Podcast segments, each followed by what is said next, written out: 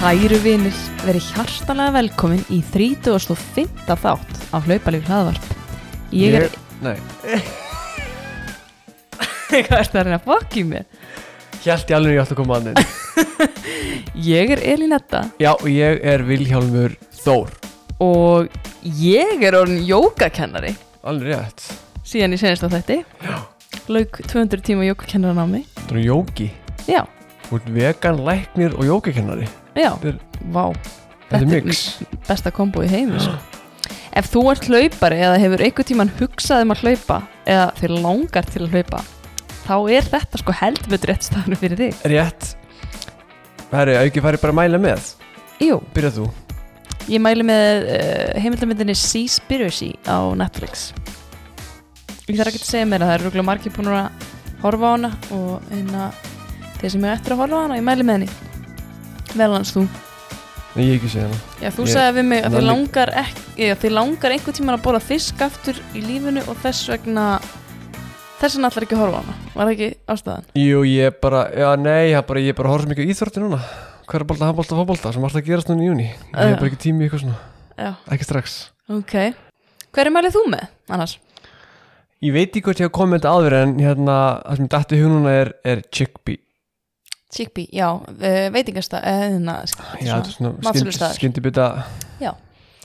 Já, ég er ekki skyndibita, jú, þetta er bara svona fast food dæmi já, þetta Þetta er er downtown, henni á Krónni, á Já. Hallver Þannig eitthvað, Já, Hallverstíg Já, þetta er geggjaðist Þetta er vefjur bara Vefjur og- og pítur, súrdegspítur og vefjur Já, Allt svona frekar við svona erum svolítið búin að vera með annað fótinn þarna Já, original og bara gott verð Krútlega hjón sem reka þetta Og Já. bara, vá, hvað mér langar að styrkja þau bara, mig Einfaldi, einfaldi matsill, allir að checka á Chickpea langar- já, Þetta er ekki sammála neitt, því. samstarf neitt bara, bara checka á þessu Er það ekki kútos og einhverja Jó. áður en að þátturinn byrjar? Fyrir mér smá kútus vikunar, eða þáttarins Ég ætla að gefa kútus á hérna Alla þá sem kláruðu og tóku þátt í henglinum Já, bara það sem kláruðu Nei, bara alla Djók. sem keftu Þú Já, veist, já. að því ég er búin að vera búin alltaf bara að fylgjast með umræðum um þetta hlaup hérna, skipilagninguna og eitthvað svona og veðrið og eitthvað, þú veist all, allir sjá þetta inn á hlauparargrúppinu á Facebook og mm. vakkilega bara eitthvað hella veður þarna Mhm. Já, og svo verður þetta kemur ljós í þættunum á eftir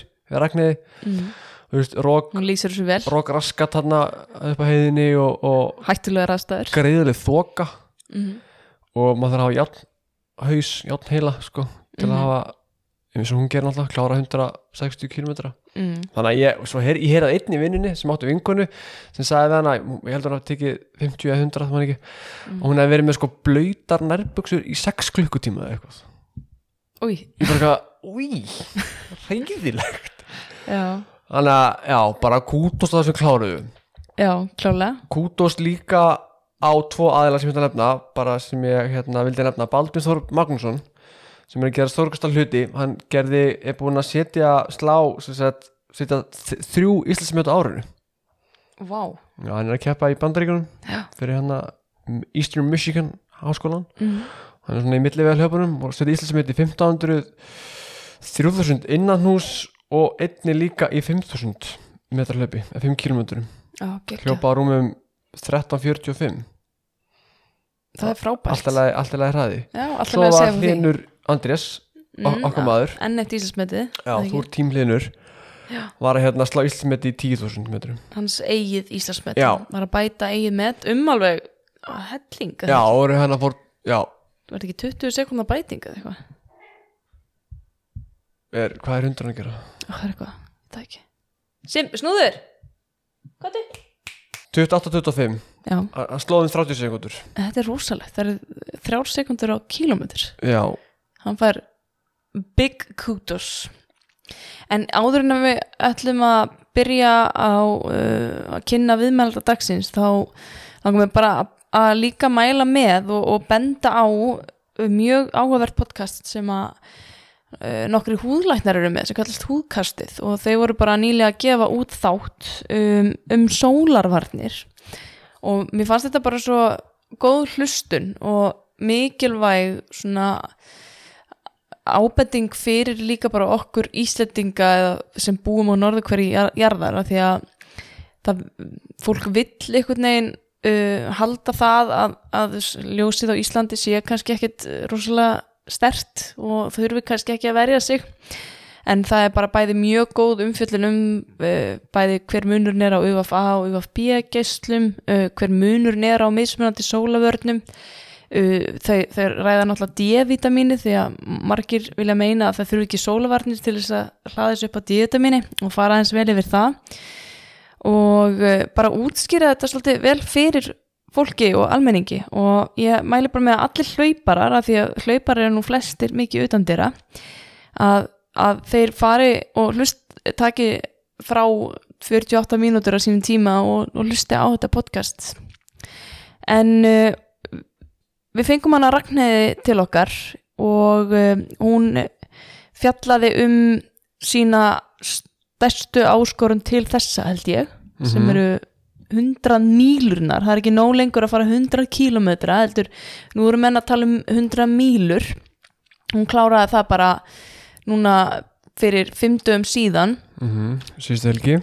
og var fyrst kvenna í mark og í rauninni bara eins og við sögum fyrir í þettunum þá er þetta bara, uh, bara, bara áskorun í rauninni að taka þátt og, og sérstaklega að klára þetta hlaup, hvað þá að vera fyrst og við bara eh, hún bara segir skemmtilega sögu bara hvernig hlaupið var og hvernig aðstæðar voru hvernig upplifunin var og ef ekki Mhm. bara bjóða Ragnhiði velkomna Jú, gera það bara Hér er Ragnhildur Sveinbjörnsdóttur ofurlöpari Gjörið svo vel.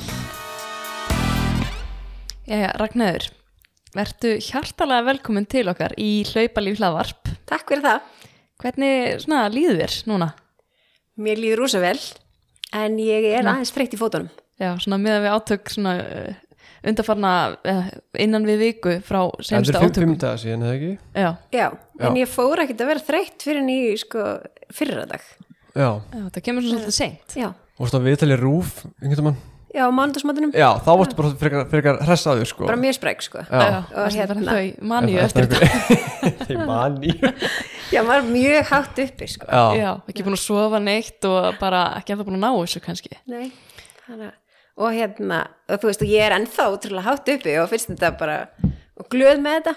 Já, já, En hérna, en í fyrradag fór ég að vera svona aðeins breytt í fótunum og feina, hérna, að ég var ekki bara farin út að skokka fyrr eitthvað tíman á þriðu deginum, því að, Já. hérna, eins og maður langar svona að gera. já, En náttúrulega ástæðan fyrir að við fengum því hingað og kannski hlustendur séu kynntir aðeins fyrir því er en að þú varst að klára 100 uh, milna hlaup.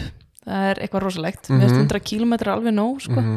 En uh, uh, þú kláraði það á lögadaginn var og um, mér langar bara svona að byrja aðeins á að heyra svona, uh, þú segir okkur aðeins frá þér svona í stuttum máli, svo hlustendur viti hver þú ert. Já, ég er hérna eh, mamma, ég á þrjá stelpur Já. og ég, á, ég er gift og hérna og ég er sem sagt svona uh, ke kennari Já. og hestastelpa þó að ég sinni því nú ekki alveg fullkomlega núna þegar ég er að hlaupa svona mikið. Nei, skiljanlega. áttu hérsta eða? Ég á eina meiri Ok, Það er ekki bara alveg en annars full vinna að eiga eina meiri eða? en ekki þegar maður á svona gott bakland sem maður getur séð um þetta fyrir mann sko. Já, og, hérna, og hún hefur ekki verið eitthvað svona inni eða í nótkunn núna í vetur. Nei. Þannig að hérna, en það, ef maður ætlar að vera all inni í þessu, þá er það bara, þú veist, þá getur maður ekki hlaupið svona mikið líka. Nei, Þannig að ég hef svolítið verið að velja. Þannig að þú átt, uh, hvað hva áttu mörg bönn? Þrjár stelpur. Þrjár stelpur og ertu að kenna í grunnskóla Já, eða? ég er að kenna upp í húsaskóla. Ok. upp í grái Já, Ok, Hvaða fög ert að kenna þar? Her, þar er ég búin að vera umsjónakennari í sjöndabæk Já. og var að kveðja þau börn því að það- skólinn er bara upp í sjöndabæk. Já, já, ok. Þetta já, ok er Þannig að bara, þau eru bara farin að vita æfintýrana Já, beint í kakó í úlingadeild já, og, hérna, og þá tek ég við krökkum sem er að fara í fjörðabæk og þriðabæk. já. Það ætlum að vera með svona samkennslu. En svo ertu líka hlaupari Já, og það er svona ástæðan fyrir að þú ert komin hingað til okkar. En svona hver er bakgrunnin þinn í hlaupum og svona hvena byrjaði að hlaupa? Já, ég byrjaði að hlaupa bara svona eiginlega eftir mentaskóla. Já, Þá var ég að hlaupa. Og hérna, og það er svona, ég útskrifast 2001 já. og 2006 cirka flytti ég upp í Breiðholt og þá fer ég að hlaupa með hérna uh, íerskokk.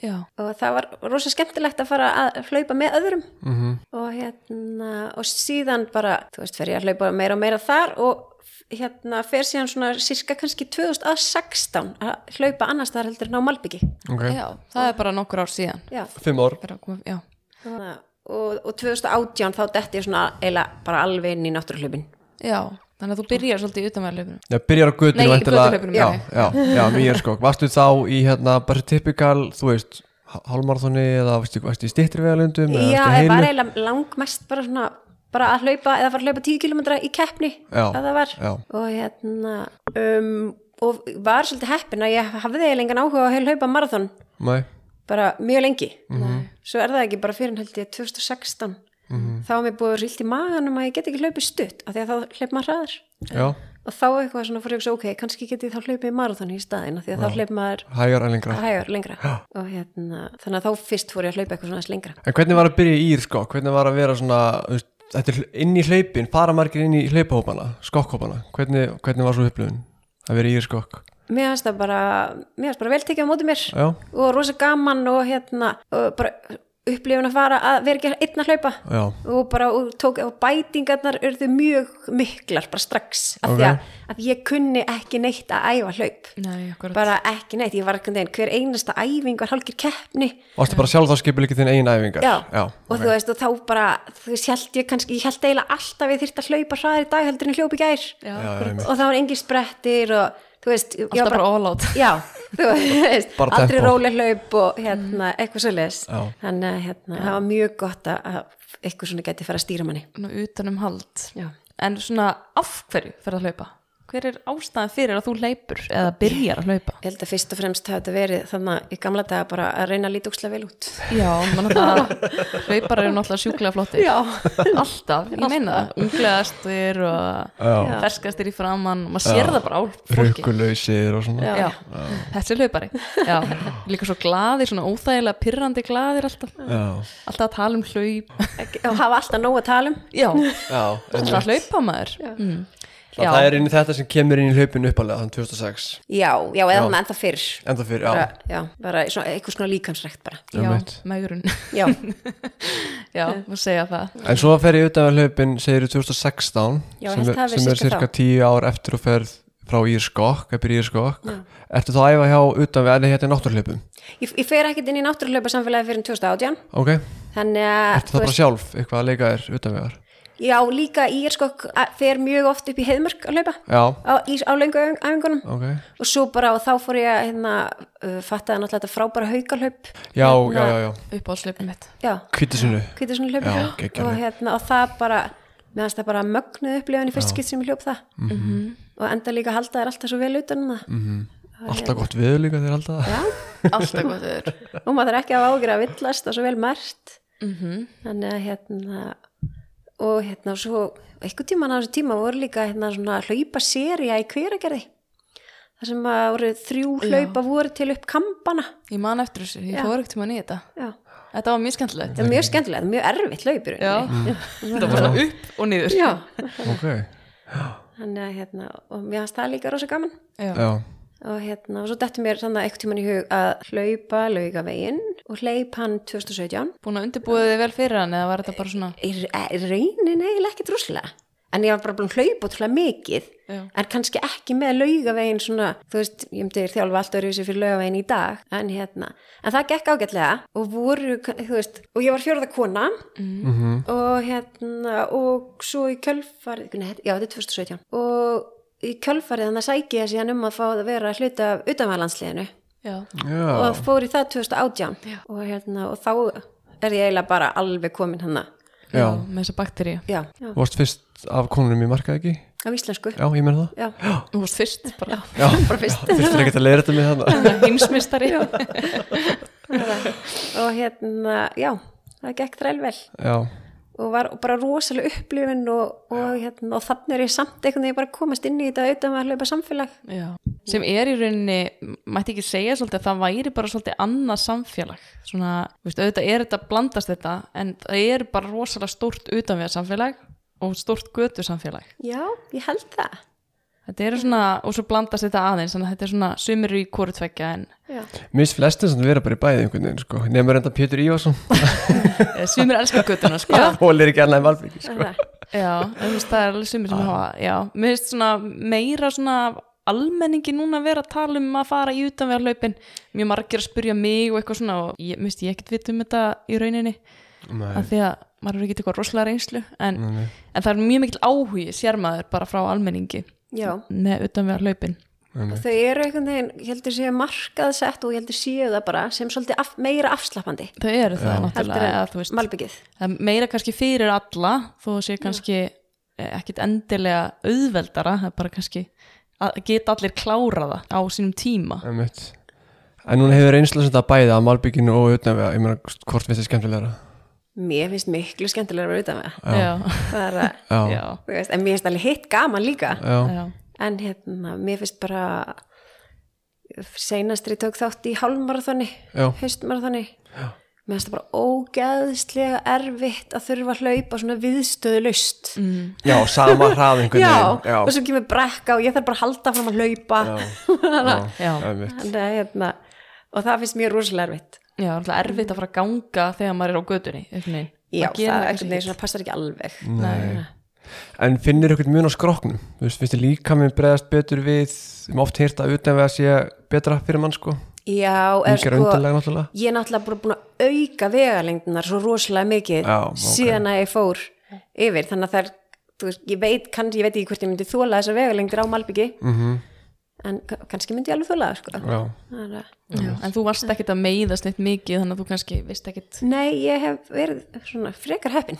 já, akkurat Þannig að- Aðal meðslin mín eru eftir að þetta hestbaki, já, ok, sem að hefðu síðan áhrif svolítið inn í hlaupin. eru það eitthvað svona varaleg meðsli eða, Ég veit það ekki, alltaf við finn eitthvað staðar til að þá kenn ég því um í staðan fyrir að kenna því um að ég sé búin að hlaupa of mikið eða eitthvað svona, þá finnst mér voru gott að skella skuldina á því að hafa Já. dáttið hestbakið annað fyrir mörgum árið sér. já, akkurat En Mm. varstu alltaf svona, þú veist, þegar þú byrjar að hlaupa varstu þú bara, fannstu strax að þú varst talent eða að þetta lág ágætlega vel fyrir þér eða, Nei, alls ekki, af því að ég hlaup, hlaup náttúrulega svo lengi í, á bara malbyggi og, og þar, þú veist, ég er ekki, ég er ekki þannig, ég er ekki hraður hlaupari, mm.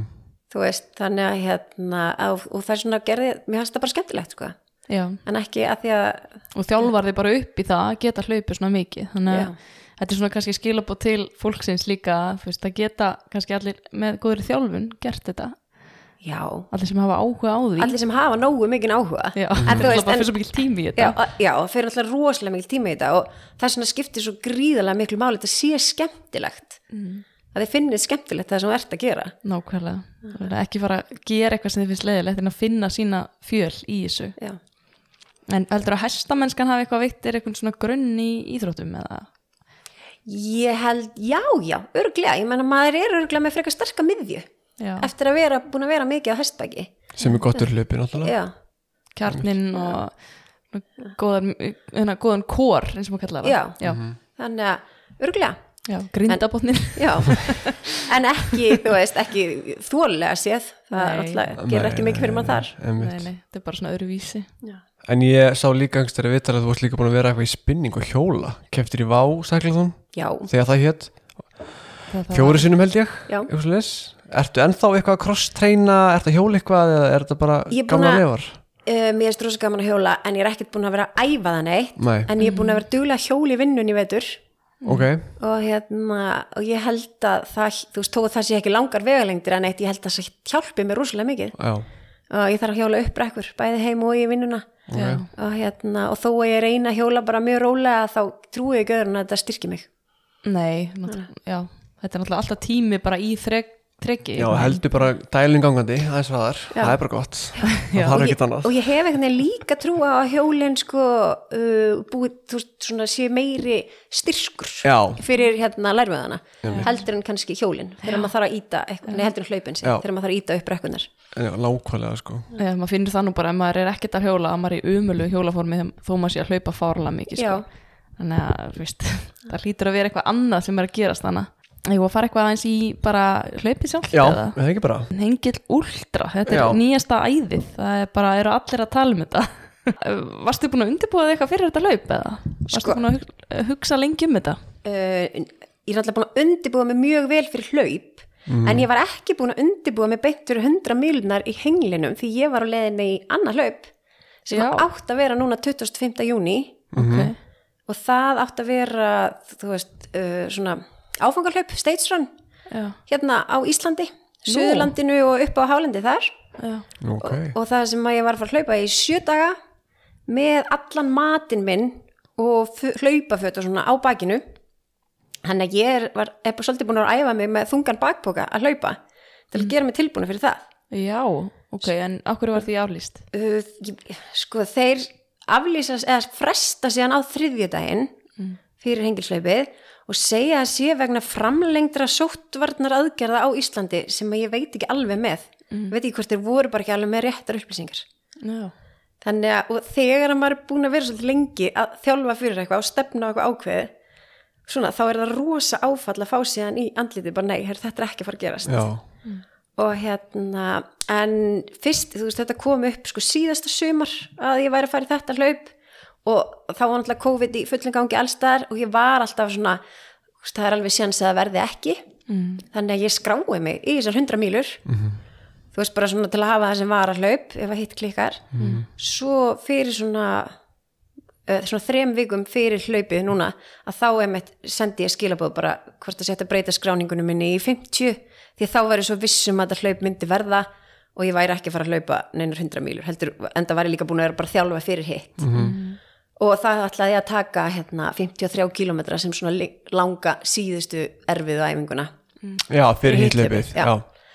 og hérna, svo kemur bara og svo bara þriðdæn þú veist, þá fæ ég bara skilaboð um að sé búið að fresta þessu laupi og ég bara lesi þetta og þú veist, ég svona við hrein bara eiginlega niður og bara á sófaðan í vinnunni bara, en við bara strax að hugsa bara, þú veist, ég verð að gera eitthvað Já.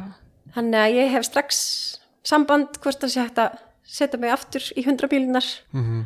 og hérna sem að var bara tekið rosa vel í og ekkert mál mm. og en þá er hérna þú veist þarna er þriðjudagur og hlaupið fer á stað setnipartin á föstudegi ég þurfti að finna fullt af skildubúnaði sem ég átt ekki og hérna og fullt framöndan í vinnunni sem að ég er svona pínu að svíkjast um hann á föstudeginum mm -hmm. pínu stressir hvort ég fengi ekki örgulega frí og hérna þannig að síðustu dagarnir þú veist þarna þeir eru svolítið stress Akkur út í aðdörandanum. já, en það er ekki svo hérna svo samt kannski eins og það hafa blundað eitthvað staðar í undirmiðnundinni að það myndi fara svona Já. já, einmitt. og hérna og ég fann bara að líka minn fóð svona eitthvað strax í svona eitthvað, eitthvað svona viðgerðar ham mér var bara illt allstaðar bara fannst þess að hann væri bara að reyna að laga sig eitthvað, Já, eins og gera maður er besta oft. úr hérna. Rétt fyrir eitthvað svona Já. risastórt. og hérna um, og svo náði ég bara, ég náði að kvílast rosalega vel nóttina fyrir hlaupið Og hvenær er löpinu startað eiginlega? og það er því starta klukkan tvö á föstudaginn, já, Um dag bara. já, En hvað, hvað er þetta? Þú sagði stage run. já Ég sem er, bara- ég sem er hef hvað sem er á aldrei- þessu hlaupi ég hef ekki hýrt af þessu Já, þ- já, þetta áfangarhlaup, ég einmitt, stakk nú upp á því að þið myndu auglýsa sig inn á hlaupundris, Já. þú veist svona svo fólk vissi alveg af þeim. var það ekki þar? Nei, það var ekki þar, Ok. þeir voru að reyna að nota meira bara Instagram ok, til að hérna, auglýsa sig. er það fyrsta skipti sem þetta er haldið? Já, þetta hlaup hefur ekki verið haldið á Ok. Íslandi, Volcano, Jú, er þetta ekki búin að heyra eitthvað um þetta? já, en, hérna, en þetta er bara mjög líkt og hérna Fire and Ice Já. sem Já. að hefur verið haldið á Íslandi. Mm, já, já, já, já, Það sem akkurat. að er bara hlaupið eh, hérna dag eftir dag en Já. þú, þú mátt ekki hlaupa sko viðstöðlust þú, veist, þú, það er bara dagskamtur það er Já, það bara er bara 40 þannig. km á dag og svo Já. bara stoppar kvílir og segur og svo bara startað eftir daginn eftir já, þetta er þannig Já, ok. og, og startað síðan aftur þú veist, þetta er ekki svona eins og Elisabeth gerði að Já, hlaupa já, já. 400 km í beit í Já, non-stop. Gobi. Já. Einmitt, ok En eru þetta alveg svona eitthvað mörgundur kílómetrar í hildina eða? Eh, 280 átti þetta að vera í heldina Ok. Já, 40 daga í viku sem þess já, og 80 síðasta daginn eitthvað Já, Og hver er það sá sem að er sá klárar 80 raðast í- sem vinnur Nei, eða? ég held að sé samanlega tími já, og já, frá á öllum dögunum. Já, ok, það er svona spennandi úrslit. já, já, Og voru það bara fólk alls staðar úr heiminum sem ætlaði að taka þátt í þessu? eða? Já, ég held að hafa verið 50 manns á leiðinni ah, til okay. að taka þátt í þessu ok þetta er svona alveg allt öðruvísi heldur en allt annað sem eru heitt um Já, að það eru alveg hérna já, eins og þetta hérna færanda æslaup sem hefur verið haldið hérna nokkur sinnum og svo er alveg svona nokkur íslendingar sem að finnst þetta mjög skemmtilegt og hafa verið að fara út Mhm. taka þátt í svona hlaupum já, einmitt Mm. en svona að æfa sig fyrir svona hlaupa þessari stærra gráðu, nú ertu kannski ekki búin að æfa nákvæmlega fyrir þetta hlaup en ef þú ert að undirbúið fyrir svona stórt hlaup um, hvað, hver lístu svona dæmigerri æfingaviku uh, fyrir svo leiðslaup Já, ég var að skoða þetta frá því svona í apríl og mæ, þá var ég að hlaupa svona cirka 100 km viku stundu svolítið meira, stundum aðeins minna Mhm. og, hérna, og tók eiginlega löng og róleg hlaup bæði á laugardegi og sunnudegi Mhm. og að því ég var að æfa fyrir þetta þá var ég annan daginn oft með bakpokan Mm. ekki báða og hérna og svo bara alveg svona slatti rólegt bara í vikunni en ein til tvær svona gæða æfingar á Mm. viku þar sem að vera að hlaupa þá svona kannski svolítið langa spretti eða svo leifis og hvað er það langi sprettir svona kannski þú veist, stundum vorum við að taka þú veist, við vorum að taka átta mínútur mm. þú veist, fjórum sinnum og svo, svona interval bara já já, og hérna, og 15 mínútur þrísvar sinnum eða eitthvað svo leis mm. og hérna, og 20 mínútur eitthvað, þú veist, þetta er svona þetta er ekki, maður er ekki að fara mjög stutt mjög hratt, mm, nei, heldur hérna, svona meir- lengri svona endurans sprett, já, æfingar já. Mm. já. en er það, ertu þá í náttúrhlaupum með prógram fyrir svona hlaupið, ertu sjálf Já, sko, hérna, það byrjaði ég man ekki nákvæmlega hvenar svona últrahópur já. í náttúruhlaupum sem var svolítið að æfa bara gaggjart fyrir hengilin og það hérna, og ég tó, fór, fór, tók svolítið þátt í því programmi Mhm. og hérna sem að Rúnarut var með og Elisabeth svona á hliðalínni með það og það var bara mjög flott og Rúnarut leggur einmitt svolítið áslá að uh, við þurfum ekkert rosalega mikla spretti og í rauninni bara eina svona gæðaæfingu kannski í viku fyrir þessa, fyrir þessa últravegalengdir mm. en hérna, mér finnst það bara svolítið erfitt ég, til þess að mér líði vel þá þarf ég eiginlega að hlaupa tvær já, svona, svona gæða já, Svona spretti. já, já. já. þú veist, það er bara kannski ofvirknin sem er innan í mér já, og þá bara einhvers veginn bara ok, en kannski verði ekki jafn góður þá últrahlaupari fyrir vikið en mér það bara líða vel á meðan einmitt og hérna og síðan uh, og svo byrjar hérna uh, lögavæsnámskeið já. hjá náttúrlaupum og þá fór ég að hérna, fá að hlaupa með þeim á lögadögum og svona Mm. og, svo- og þá blandaði ég þessu svona eins saman Mhm. bara hérna, þessum tveim námskeiðum Já, og hérna svo fóru þau svona aðeins að kvíla uh, últranámskeiðið og þá gerði ég það náttúrulega ekki heldur helt frekar dampi með hinum já, því þú varst að stefna á annan tíma já, en þau voru í rauninni að hvíla fyrir þetta hlaup Já. já, þannig að, hérna, að ég mætti svolítið ókvílt já.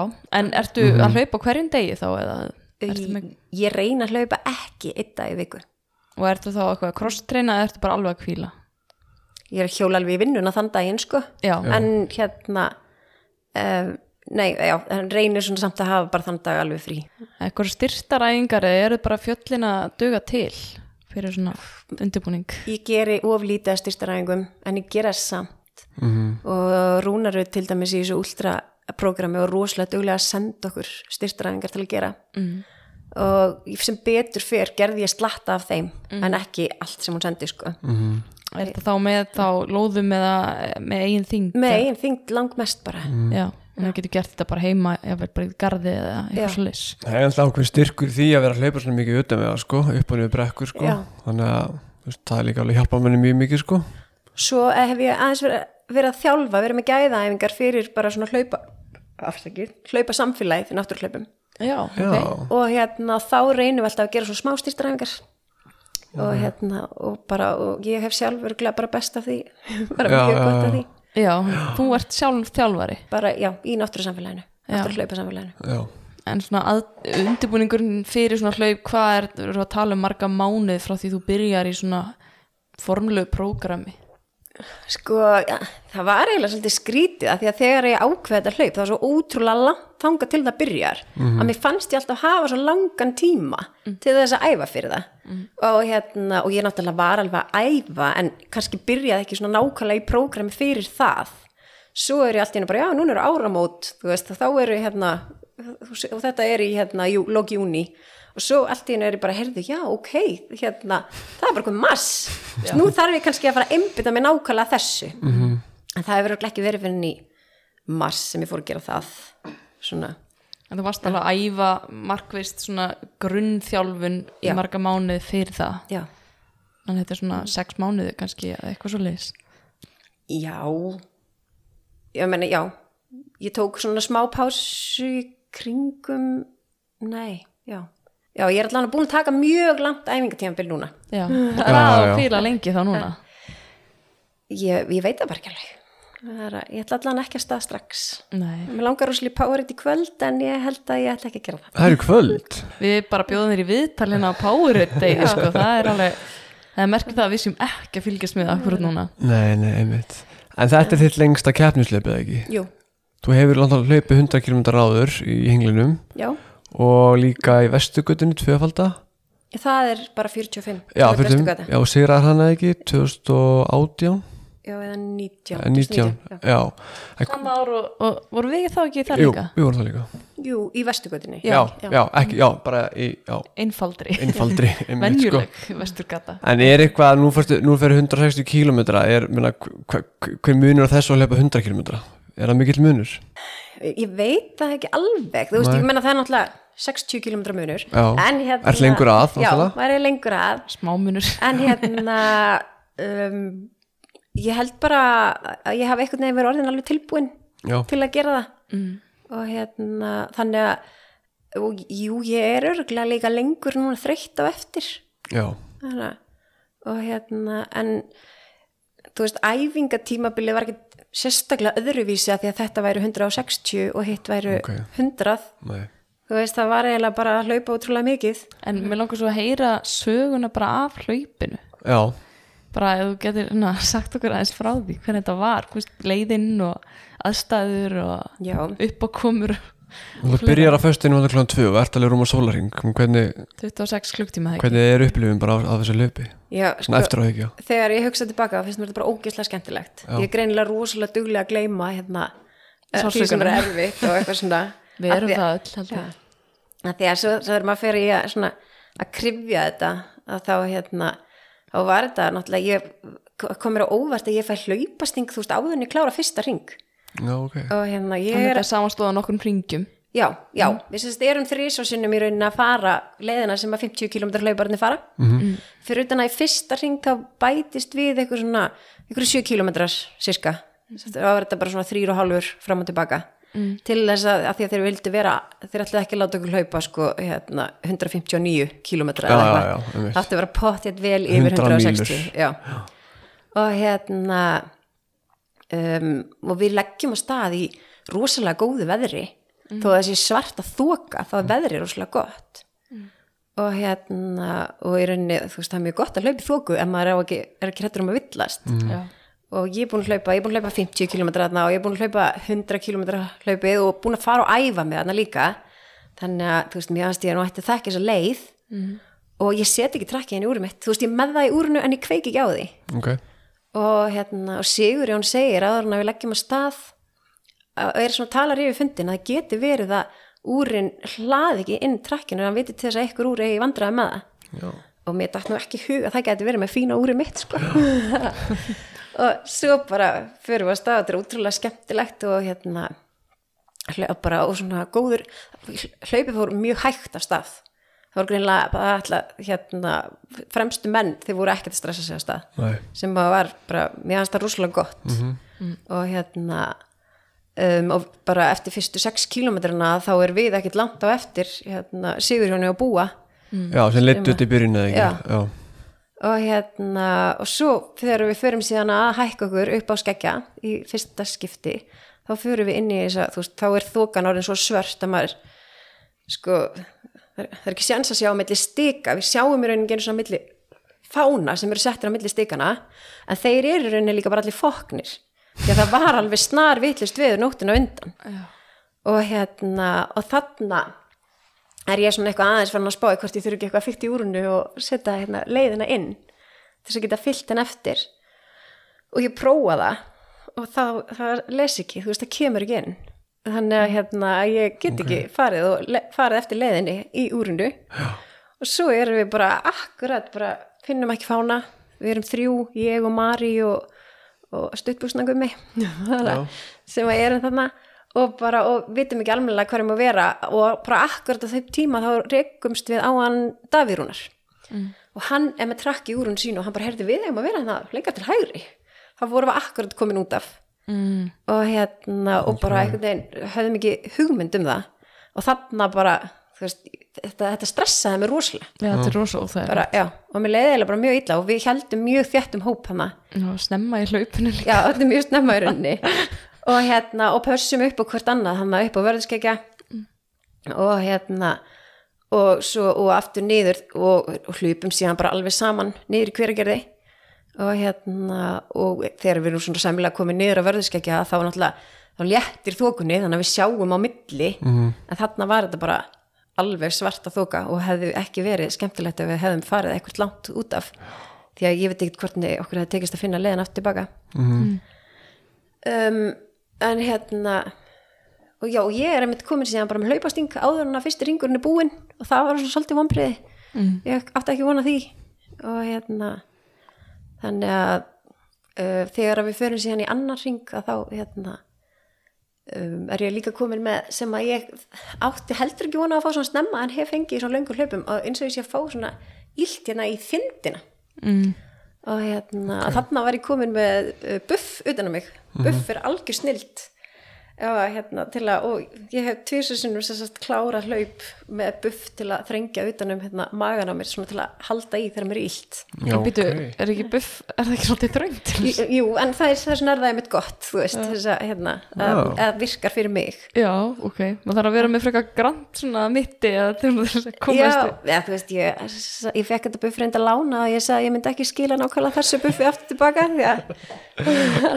að... Er þetta svona þind, hjálpar aðeins bara vöðvunum hana að vera undir minna álægi eða Já, eða, þú veist, og þetta er svona smá þrýstingur eins og stundum að maður fær hlaupasting þá þarf maður að halda við Já, til þess að, og, hérna, og þetta hjálpaði mér við að gera það mm. og hérna um, svo svona fljótlega í öðrum hring þá erum við Mari orðnar bara tvær já, og hérna og við hlaupum hans síðan bara alveg saman Mm. og hérna og ég er rosa þreytt þegar við erum að klára hennar annan ring við erum að hlaupa niður brekkurnar við erum báðar eitthvað svona að passa upp á hnýjan á okkur hún hérna já og hérna mér fannst ég, mér var alveg illt í hægra hnýjanu og svo hérna þegar ég kem inn eftir ring nummer tvö þá er ég ekkit, ég er ekkit rosa, það er ekkit rosalega bjartið yfir ég er bara, bara Mhm. búin með þá hundrað og eitthvað, eða ekki? já, svona Væntanlega? 110 Já. kilometra þetta lítur að hafa verið erfiðasti hluti hlaupsins svona andlega Já, og hérna og,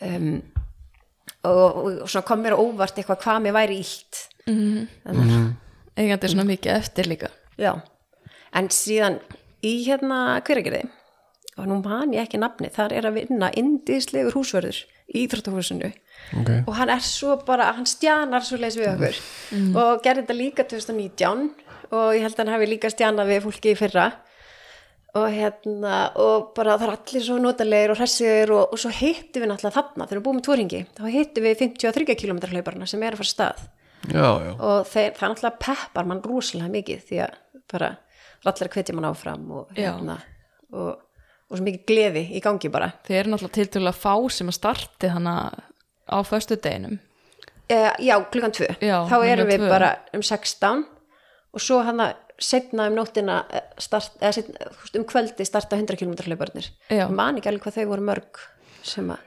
fóru af stað. En hérna, og það er líka útrúlega skemmtilegt að hitta þetta fólk í brautinni mm. og við vorum mikið að spá í bara hvernig hittum við næst og hvernig gengur þessum og, Já. og, hérna, og hvenar hittum við þennan og það var mjög skemmtilegt en svo bara hlaupum við alveg rosa sprækara stað í hringnum þrjú mm.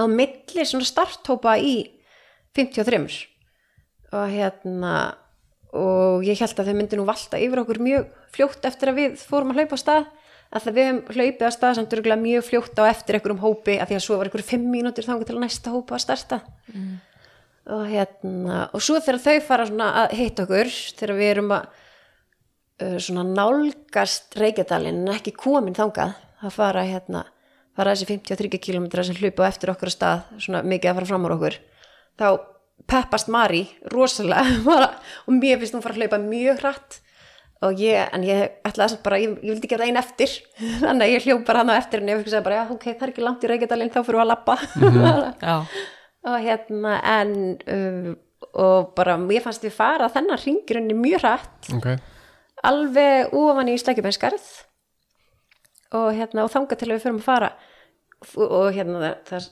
töluvert áður en að maður kemur hérna innstadal er veðrið samt orðið vond en við lög- lögðum að staður hérna hveragerði bara hún í stutturmaból og, og ég eitthvað svona flýsból og að kvarti yfir því hvað ég væri velklætt sko en hérna en ég var ekki of vel klætt í þennan ring því að bara þegar við förum að fara upp á vörðuskekja þannig að í síðasta skipti þá bara aftaka veður en erstu ekki með auka fatnað í törskunniðin eða Jú, ég, við vorum með skildubúnaðan allan í töskunum okkar en hérna það kólnar eitthvað eins og rosalega rætt og verður svo, ég verður rosalega lítil í mér hér og svona köld og puttanir hætt að virka að ég hugsaði bara þú veist, og ég er bara ég er ekkert að fara að setjast hér niður, klæða mig úr skóm og hérna og til að fara í utanhauðbuksunar mm. ég bara treysti mér ekkert til þess að gera Nei. það ég held, og bara átti vona að minn, ég myndi kólna mjög mikið við það og var náttúrulega fyrir orðin rennandi blöyt en við vorum báðar lengur komnar í jakkana og búin að renna þeim alveg jafnhátt upp og við mögulega gátum -hmm. Mhm.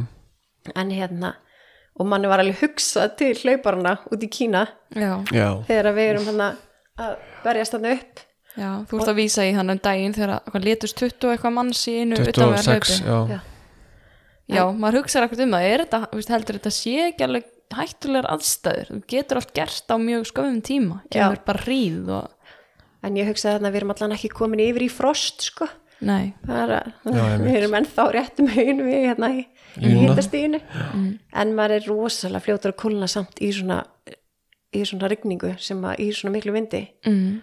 og hérna og þannig að það var bara, bara að arka áfram eins og, og reyna að halda upp í ekkur smá hita Einmitt. með því að hérna drífa sig og hérna og leið að ég var komin upp þá var ég samt einhvern veginn bara núna er bara klárt að verkefni og hérna og mér finnst ég að hafi hlaupið bara mjög hratt í rauninni niður og hérna og í rauninni restin af hlaupinu já, og gefur svona svolítið í í lokin já, það var upplifunin mín já, ég var samt síðan svolítið hissa að sjá að ég var miklu lengur með þennan ring heldur en hinn já, já, ok. bara Af því að- upplifunin af því að upplifun mín væri sko að ég væri aldeilis að hlaupa þetta rætt hana já, það er að En tilfinningin að vera í róki og rigningu og eiga eitthvað slatta eftir þú veist, að ég sé að kláru ekki margir hlaupir sko, en margir þú veist, að, að, af þeim 15 sem fóru á stað kláru held ég bara 6 sínist mér sko, já, þú ég, veist ertu með sterkan haug sko, eiginlega?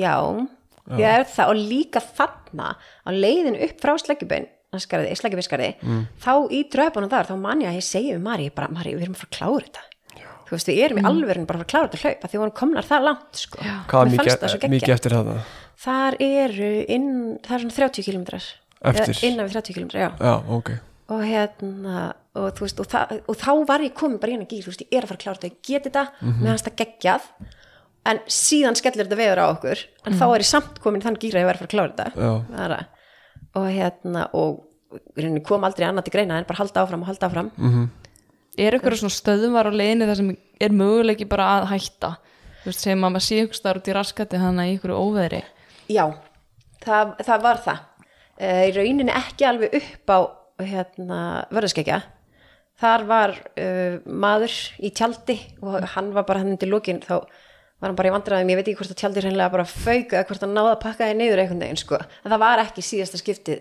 þegar ég kem upp, það tjald mm, en hann va- hafði alltaf sko mert við okkur og Já, hérna já. þegar við vorum að fara ég held að hann hafi ekki náð að merkja við okkur og heldur ekki hinn að hlauparna hann í síðasta skipti já, fóð bara sjálfur já, hann var þarna sko þú Þessi veist, hverfa já, hann hann var þarna einhvern veginn en ég held að hann Hann hafi var óskum ekki. lítið gert Bara, ég fuck get ekki- this maður ég er farin í en hérna, en svo þegar maður er komin niður og í byrjun á innstættar þar var önnur talning sem að var svona í rauninni einstúst ekki að hlaupa fram hjá ykkur hérna, hlýði, heldur bara fólk að telja okkur og mögulega voru ykkur sem hafa hægt sem hafa farið inn í þar var stór bíll það er Já. kannski ekki að fara í eitthvað skjól þar já, og hérna og síðan í rauninni er ekki fyrir nú elkelduhálsinum Mhm. og eftir ölkeldahálsin eru 13 kilometrar í mark Já, og, 13, einmitt. en ég veit alveg að það var fólk sem að, sko, stoppaði þannig í, á elgjöldahálsi að drikkjustöðin þar og fekk að fara þar inn í bíla og að reyna að ná upp hita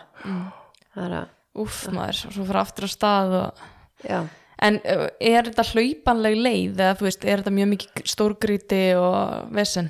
ég hef eh, eh, mín upplifun er að þessi leið sé aðeins minna hlaupaleg heldur en laugavegurinn Mm. það eru mjög hlaupalegi kaplar og svo eru bara svona kynntastígar þar sem þú þarft að horfa bara alveg niður fyrir þig Já, en þetta er ekki svona, þú klifur stórgríti, eitthvað svona bröll. Nei, þú veist, þú, þú, þú svolítið að brölda upp á vörðurskegja Já. Já, það er svona kannski nokkri staðir en ekki, það er ekki mikið þannig Mm.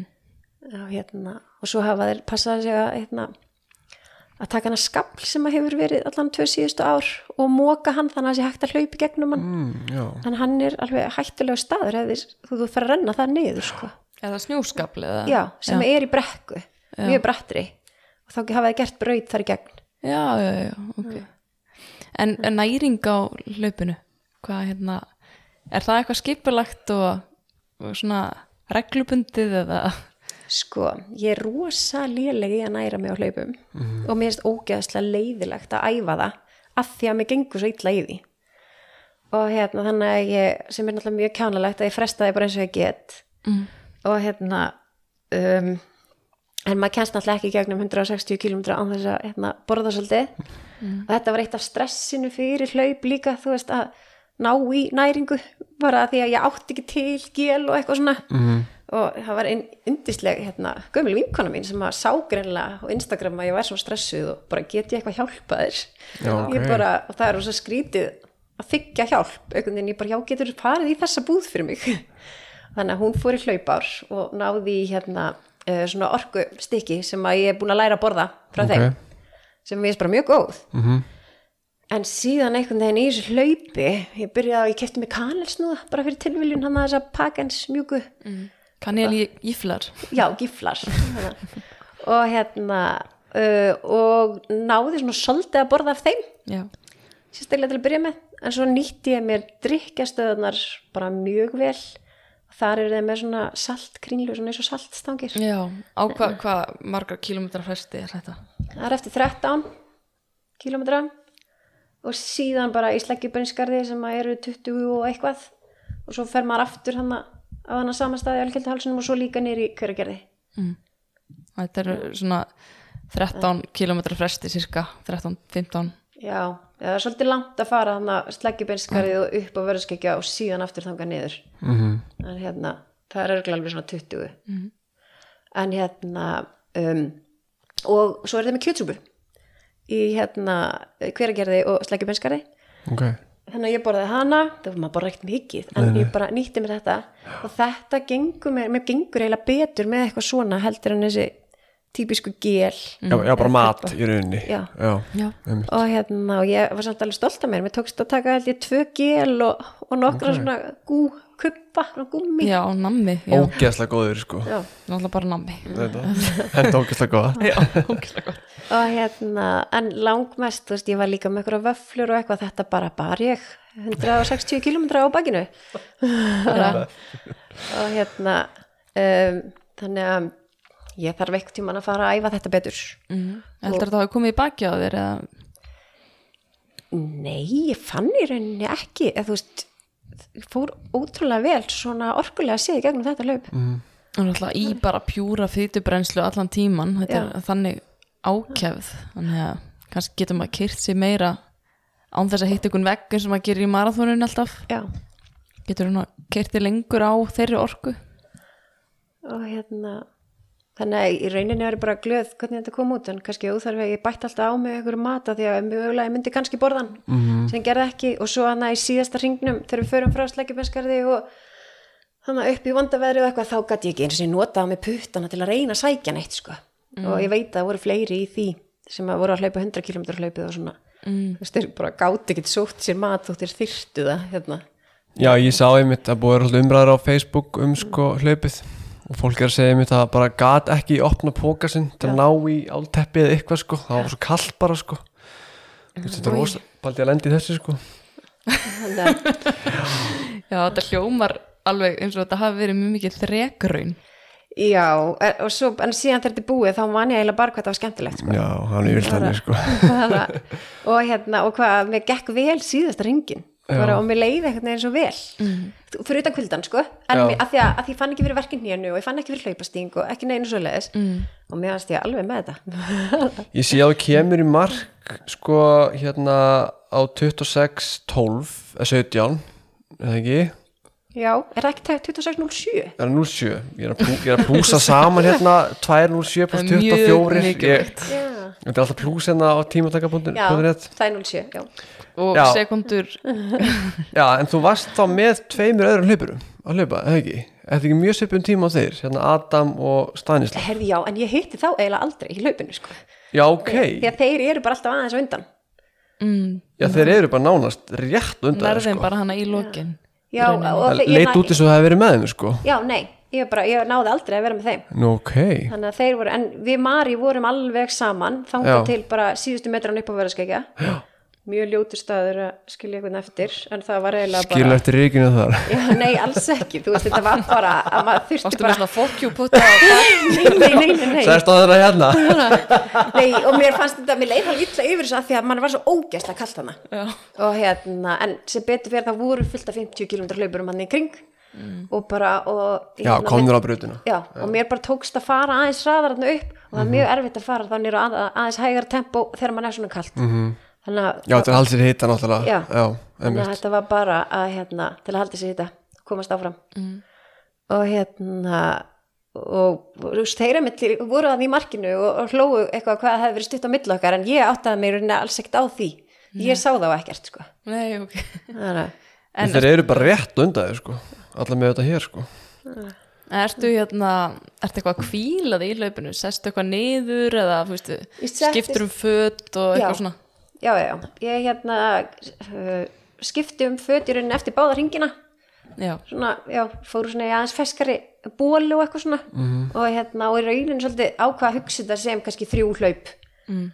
og hérna, og mér finnst það, það hendaði mér mjög vel þarna þegar ég var að hlaupa 100 km hlaupið 2019, að hugsa þetta bara sem tvö aðskilin hlaup og hérna, og fara bara og skipta um reynda bara efri part og svona og vera bara alveg þurr og hérna, og fesk að fara út og ég var það útrúlega mikið þú veist, eftir að væla hana í öðrum ringnum þegar ég var búin að klára hann að, hérna, að þá hleyp ég mjög ferska stað komin í nýjan ból og búin að borða og, og þá er mitt settist ég niður til að borða núlina mínar ég settist ekki niður í fyrsta ringnum, eftir fyrsta ringin til að borða en ég þurfti að setjast niður að því að hérna, ég ákvað að trúða mér í aðra hlaupabuxur innanundir Ok til að vera með svona meiri stuðning um magan, því að buksuna sem ég var í voru ekki með nefnum svona einhvern veginn stuðningi og hérna og ég var eitthvað hrætt um að það yrði erfitt að standa upp ef ég myndi setja stó lengi niður ég trúi því en, hérna, en það var síðan ekki við fengum, við þurftum að geima dótið okkar upp á efri hæðinni í Íðardóhúsinu og svo eru búningsklefar hann að vera neðan og hérna og við vorum svona, kannski okkur fannst það ekki rosa skemmtilegt að þurfa að fara upp tröppina sko og ég sagði bara ok, fínt, þú veist en ég þá strýpa bara hér, ég, bara ég er ekki að fara að fara með fötum mín niður í búningsklefan og klæði mig þar og fara svo aftur upp og skila þessu ég bara, og það fólk var bara í því og öllum sama já, já. En hvernig er að hlaupa svona að vera að stanslu stað í Rúma Sólring? Hvernig svona andlega liðina? Fyrir það ekkert í í, í taugundarlega að skapa á manni að vera vakandi svo lengi og á reyfingu mér fannst það ekki erfitt sko. Nei. Ö, ég, var, ég var aldrei eitthvað rosalega sifjuð ok, og ég, hé- þú veist, ég held einhvern veginn gleðinni ótrúlega í gegnum þetta, líka í gegnum mondaverið, þó ég væri svona pínu lífsrætt akkurat þá og svo örglega ég, geta, ég hef aldrei náð að hlusta mikið á tónlist eða podcast á meðan ég er að hlaupa þess vegna held ég að hafi hjálpað mér rúslega mikið hvað ég var lítið ein í þessu hlaupi ég var Já. eiginlega bara alltaf í félagskap og hérna og svo eftir að ég er komin niður að vörðuskegja og er orðin ein að þá svona fljótlega er samt svo mikið af fólki í kringum mig þú veist, Já, bara 50 km hlauparnir og svo þegar maður kemur nýri Reykjadalinn þá er 26 km hlauparnir þar og það var rosa gaman að hitta þau maður fekk alveg fullt af peppi og, og ég sogaði það allt, þú veist bara, já, já, og bara beint inn Já. og, hérna, og nýtti mér það Það er svo góð tilfinning, bara hitta annað fólk Já. Bara, og líka og hitta fólk sem nennar að klappa fyrir manni Já, og hérna, þannig að það var bara ég held að það hafi hjálpa mér, þú veist, að bara hvað ég væri mikið í samskiptum Já. við aðra, allan annan tíma að ég þurfti lítið að vera einn En þetta er ekki svona eins og COVID sko, maður er bara einn í eitt og halvt ár sko, við hittum að fólk núna, gleði tilfinning. Þannig hvað, settur þér eitthvað tímamarkmið svona í laup, fyrir laupið? Er það hægt?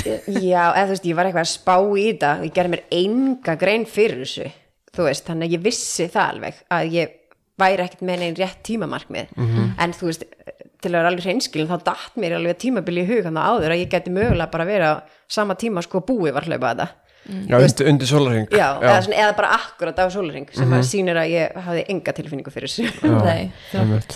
en hérna, en þegar við fórum að hlaupa af stað þá var ég ekkert að spá í tíma og það sem að ég var bara að hugsa um það var bara ok, bara næsta verkefni er að komast nýri slækjuminnskar og síðan að næsta verkefni er að komast upp á vörðskeikja og síðan aftur niður í hverjargerði og þú veist, og þá hugsaði ég þetta bara í svona áfengum en ekki í ekki kílómetrum og ekki tíma og hérna, og það bara hendaði mjög vel að gera það þannig og hérna, við hlóum einmitt svolítið að þessu þegar við vorum að byrja að hlaupa að við værum með rauninu bara að hlaupa blind út í eitthvað mm.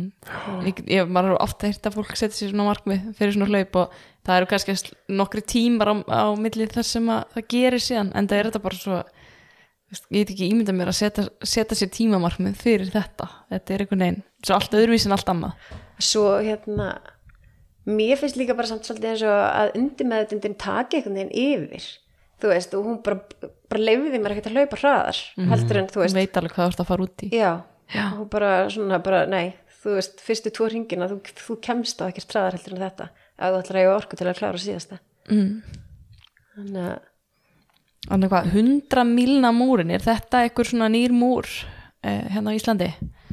Er, er, er þetta að fara að stopna klúb, 100 milna klúb? Það finnir alltaf 100 kílómetrar klubburinn Já, herr, þeir eru komin með nýjar húfur sko. Þannig sem að- er 100 mýlur. Já, og held jafnvel sko, eitthvað hérna, og, og- og enn meira Ok, Ég er mjög spennt að fá nýja húfu Já, og hérna og mér finnst það rosa skemmtilegt já, og hérna, og bara spennt fyrir því en ég held þetta sé bara svona þú veist, þetta er bara einhver þróun þeir prófuðu náttúrulega hann að eh, America to Europe þeir voru með 160 mýlur í fyrra en þar var bara einn keppandi 160 kílómetrar. Fyrirgefðu, 180 Já, kílómetra. Já, já, einmitt, já, og þar var bara einn keppandi Gunnar Viðar akkurat, sem að kláraði það já. en, að- og það, en það er eitthvað skrítið þegar það er víst bara einn þá hérna, eitthvað skráist það ekki almennilega Já, já, já, já, já. og, hérna, þannig að ef það hefði bara verið einn í þessu þá hefði það bara verið já, eitthvað það, annað. það hérna, er víst eitthvað svona ég kann ekki Nei, alveg nei. á þær reglum Ég man eftir þessu fyrra sko. Herri, það er eitt samt sem ég er að gleyma varandi næringu Já, að ég svo bara drakk í kók Já, á öllum drikkjastöðum og það ég held að kókið hafi í rauninni fyrst og fremst komið mér í gegnum þetta jólum við. og ég drekka ekki kók Sykur sko, ég og drekka ekki, koffín og- ekki hérna, sigraða góstrykki svona venjulega Nei. en bara ég fattaði þetta bara út af spáni 2018, þá er ég að hlaupa í svona miklum hita Já. kem ég inn á eina drikkjastöð og sé bara Pepsi og mér langaði bara geðvegt í Pepsi og mér finnst það mjög fyndið -hmm. og síðan þá he- hef ég bara nýtt mér þetta þegar ég er að hlaupa svona langt mm. Vistu, þetta, þetta er Ok. rosa góð orka og ég bara helst auðvitað vill maður fá þetta kannski svolítið hérna uh, góðslaust já, en ég drekk þetta frekar með gósi heldur en að sleppa því og svo er ég bara rópandi hann næstu kílómetrana eftir ég blandaði líka kóki út í drikki minni í marathónu, svona senustu tvö, tvo drikkina sko.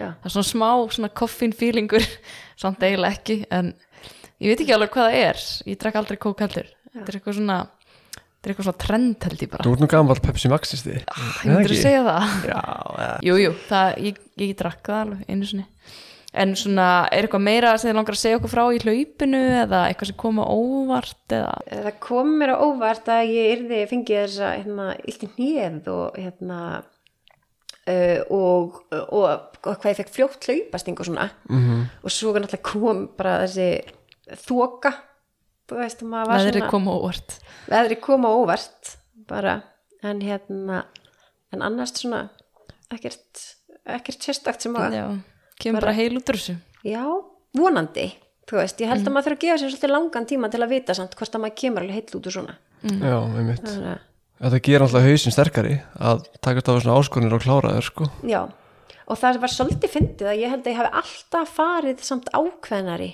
í löngulöpum mín heldur en akkur þetta löp að þegar, þegar maður tekur bara ákvörðin á þriðju deg og hleypur sér á stað á föstu deg þá hefur maður ekki svona sama tíma til að verða svona bara rosalega andlega tilbúin í þetta um mitt og þetta er svona fyrsta hlaupi sem að ég hugsaði alveg ok, kannski gengur það ekki upp og þá verður það bara allt í lægi -hmm. en alltaf í önnu skipti sem ég ætla að hlaupa svo langt þá ætla ég ekki að gefast upp sko. þannig að en svo bara gekk þetta upp Já. og það var bara gekkja já, Og Hvað er svona á döfinni hjá þér? Uh, framhaldi á þessu sumar eða haust? mér finnst svo ógeðslega spennandi þessi bara utanvarhlaup sem að eru hérna á Íslandi Já, ætlar að fara að laugavegin eða já, einhver stór, já ég ætla að fara að lega veginn mm og svo ætla ég að fara í hérna Norð Ultra, Ultra Norð ég man ekki hvort það heitir, á Tröllaskaganum sem Mhm. að hérna já ég er bara að höra því í lók ágúst og ég meðst það rosa spennandi og hérna og svo finnst mér bara og svo er eitthvað sem að er í lónsuröfum sem að er líka mjög spennandi ég er ekki skráði það en ég þarf svona bara aðeins að sjá hvernig mér líður eftir laugavegin já, Já. um mitt en ég held að það er rosa mikið að gerast já, núna En uh, HM í eh, haust, ert þú eh, að fara í það eða? það er stefnan Já. og það var bara krossa Utan putta verð hlaupum já, mm og krossa putta að það verði Hvar er það haldið? í Tælandi Ef það er, já, Tæland er, ekki, er það ekki svolítið ekstrím aðstæður eða svolítið hitti og, eða er, er eitthvað búið að kólna hana á þessum tíma?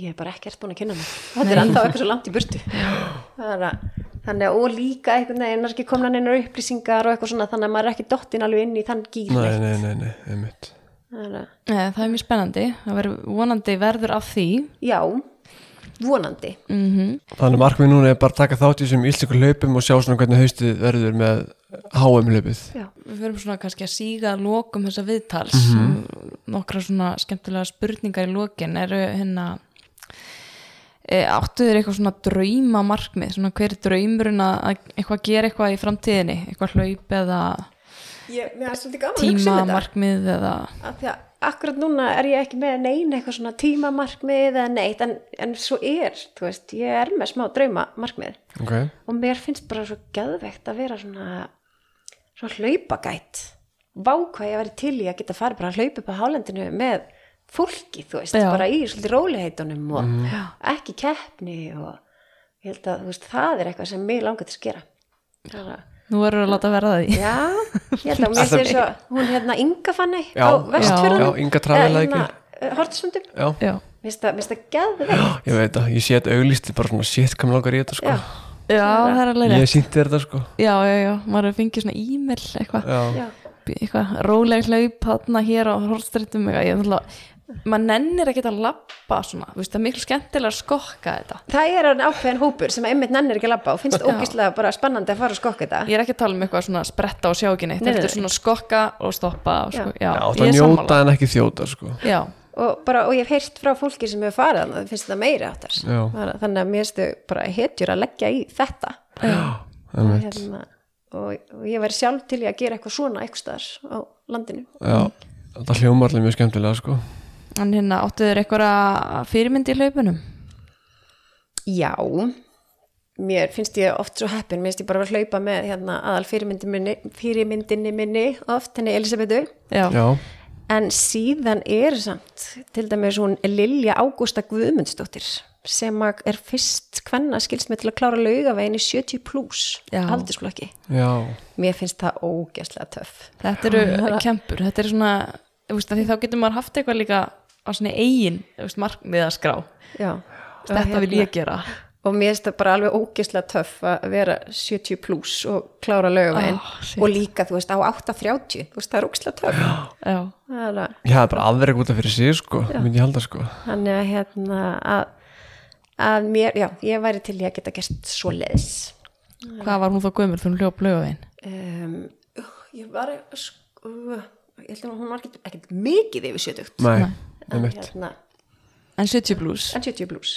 Þannig að, hérna. Þú er vantilega að vera að hlaupa mikið utan við hérna á höfbrukarsæðinu. Já. Hver er svona uppáhald þitt svona utan við að svona slóði?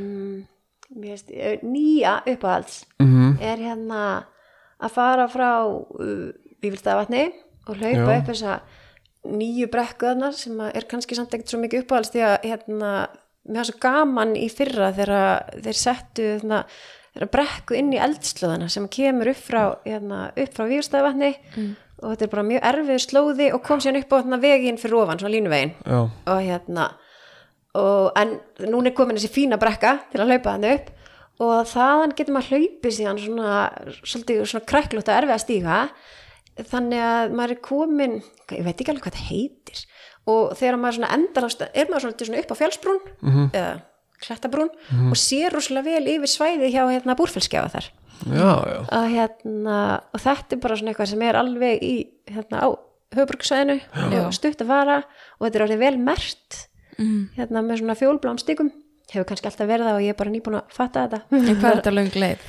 ef maður hleypur þetta og getur síðan hlaupið þannig að svolítið til hægri niður að þessum slóða sem að, eh, hérna, er upp að búrfylskjá og þá getur maður bætt, bætt búrfylskjánu við eða farið bara niður vífilstæðliðina og aftur þannig að það er bara svona 10 kilometrar Já, En við brekkan upp af výlstaða vatni, hvað brekkar talum?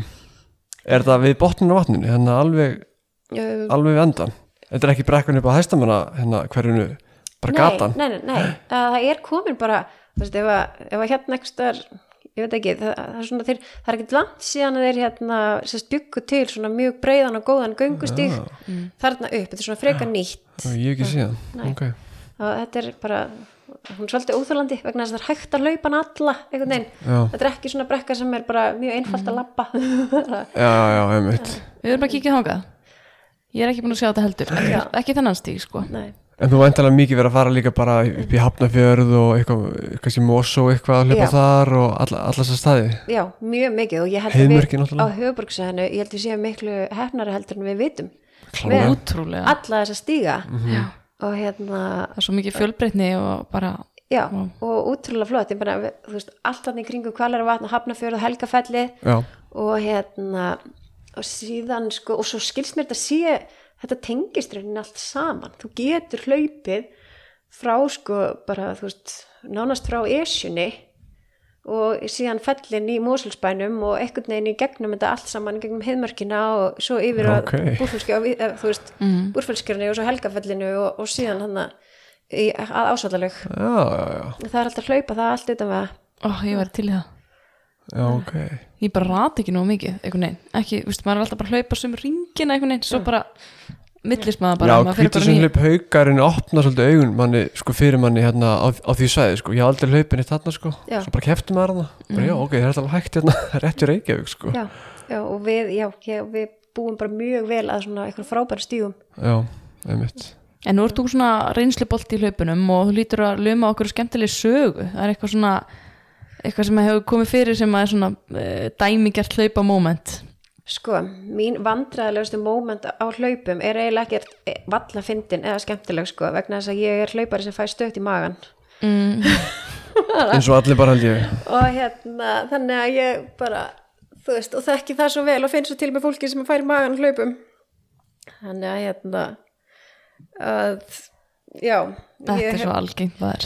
og ég hef einmitt hlaupið þannig að 50 km í henglinum og þá, það var hvað, 2018, þá er ég með trakk og það var þoka, skrítið þannig að ég er með hérna, það er einhverju fjóri hlaupar sem fylgja mér mjög svona þétt á eftir og ég er ekkert að taka fram úr mér ekki í þokunni, því að þeim finnst bara mjög gott að fylgja mér eftir og ég er eina mannska með trakk, svo fyrir mér að líða bara alveg skelvilega illa innan um þennan hópa fólki og Fram ég úr, fram þraukaði úr. Já, en ég þraukaði niður úr þokunni og þegar að við vorum fann að sjá hvert áttum að fara næst þá bara er ég bara, herri bless, ég verður bara að fara ég verður bara eftir hér Já, einmitt.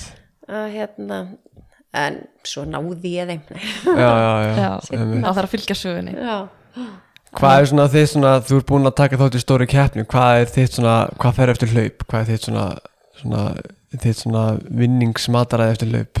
Eða er það Hvað eitthvað? fegstu þér á laugadaginn eftir hlaupið? herri, ég var eiginlega frekar listalaus þá Eins og maður er og Já, nákvæmlega, svefnlaust Þannig að, náttúrulega, hérna- og svefnlítill. maður er eitthvað, ó, ég ætla að gera vel við mig, svo bara, ó, ég hef ekki list á neina. Já, og þannig að fjótt ég hafi keift eitthvað pítsu og þá hálfparti borðaði hann gensinni Ok, en ég er bara, ég geri ég borða ekki nóg hallar mat sko. og ég bara leifi mér að borða allt og óhallar mat Mhm. og það væri kannski bara eitt af markmiðanum mínum núna að hérna, bara sjá hvort að mér myndi hérna, því að ég er ekkert að fara kannski að taka brjálaðislega mikið á því og margar æfingar síðan núna næstu lögavegin að frekar einbytta mér að því að borða þá holdt já, Mhm. áður en að ég fer að leipa hann ná þannig góður recovery já, í gegnum mataræði og, Já. og góða kvíld En hvað flokkur sem bara óholt? Hvað ég minna? bara ís og pítsur Já, þannig bara. bara Það er alltaf leið fyrir okkur leið bara. að hérna að bara, ég borða bara það sem að mér langar í Já, einmitt. en hver er svona þín uppáhalds hlaupakeppni svona að lokum að má vera Íslandi eða Erlendis já, þú veist, ég hef hlaupið ótrúlega skemmtileg hlaup hann úti en ég er eitthvað, ég er rosa mikill Íslandingur og mér finnst alveg ógæslega gaman hlaupa -hmm. á Íslandi -hmm. og hérna um, og, og mér finnst þetta, þú veist fyrsta skipti sem ég hljóp til dæmis Mýrdalslaupið, þú veist það æðislegt já, ég fór, fóru við ekki í það Já, báðar í það fyrra var, það var aðeins öðruvísu upplifun þú það var veist. hæðilegt Bara- Okay. no offense, en það var hann að haglil og sandfók og Já, ég, ég- Já, í fyrra. Já, ég held ég Já. myndi nú bara að deyja hann í sandinu í fyrra mér fannst ég bara vera eins og í ykkur Disney mynd og að vera eitthvað svona sandskrimsli að ráðast á okkur þá sko ég var ekki að já, skrandi bara endalist það var mjög fyndið Fórst að gráta ekki í stertinu. Já, en hérna uh, en það, sandrun réðst ekki svona á okkur hann í fyrsta skiptið Mm. og, það, þú veist, og, sandskrýmsli Já. mýrdars og, hérna, og það fannst mér bara gæðveitt og, hérna, og mér finnst bara geggjað að hlaupa í íslenskri náttúru Já, Og það er hérna. frábært. þannig að þessi, og ég hlakka bara ég held að ég sé ekki búin að hlaupa upp á alls hlaupið mitt Já, já, já. það kemur bara ok. næst Já. og já, ég er reynda svolítið þannig og mér finnst bara ógeðslega spennandi það sem ég er að gera núna Já, einmitt. og hérna, En það náða að vera líka. Já. þú veist, og ég er lungum að gleyma því að mér hafi verið úsla kalt og hérna, og ég hafi verið úsla þreytt og Já. þannig, þannig heldur maður líka bara áfram Já, Ef ekki greitt. bara hafa þetta loka orðin í dag eða? Jú, klálega. bara takk kærlega fyrir komuna, virkilega gaman að spjalla við þig og vonandi er þetta inspirasjón fyrir Aðra, aðra við bara. hlustendur takk fyrir mig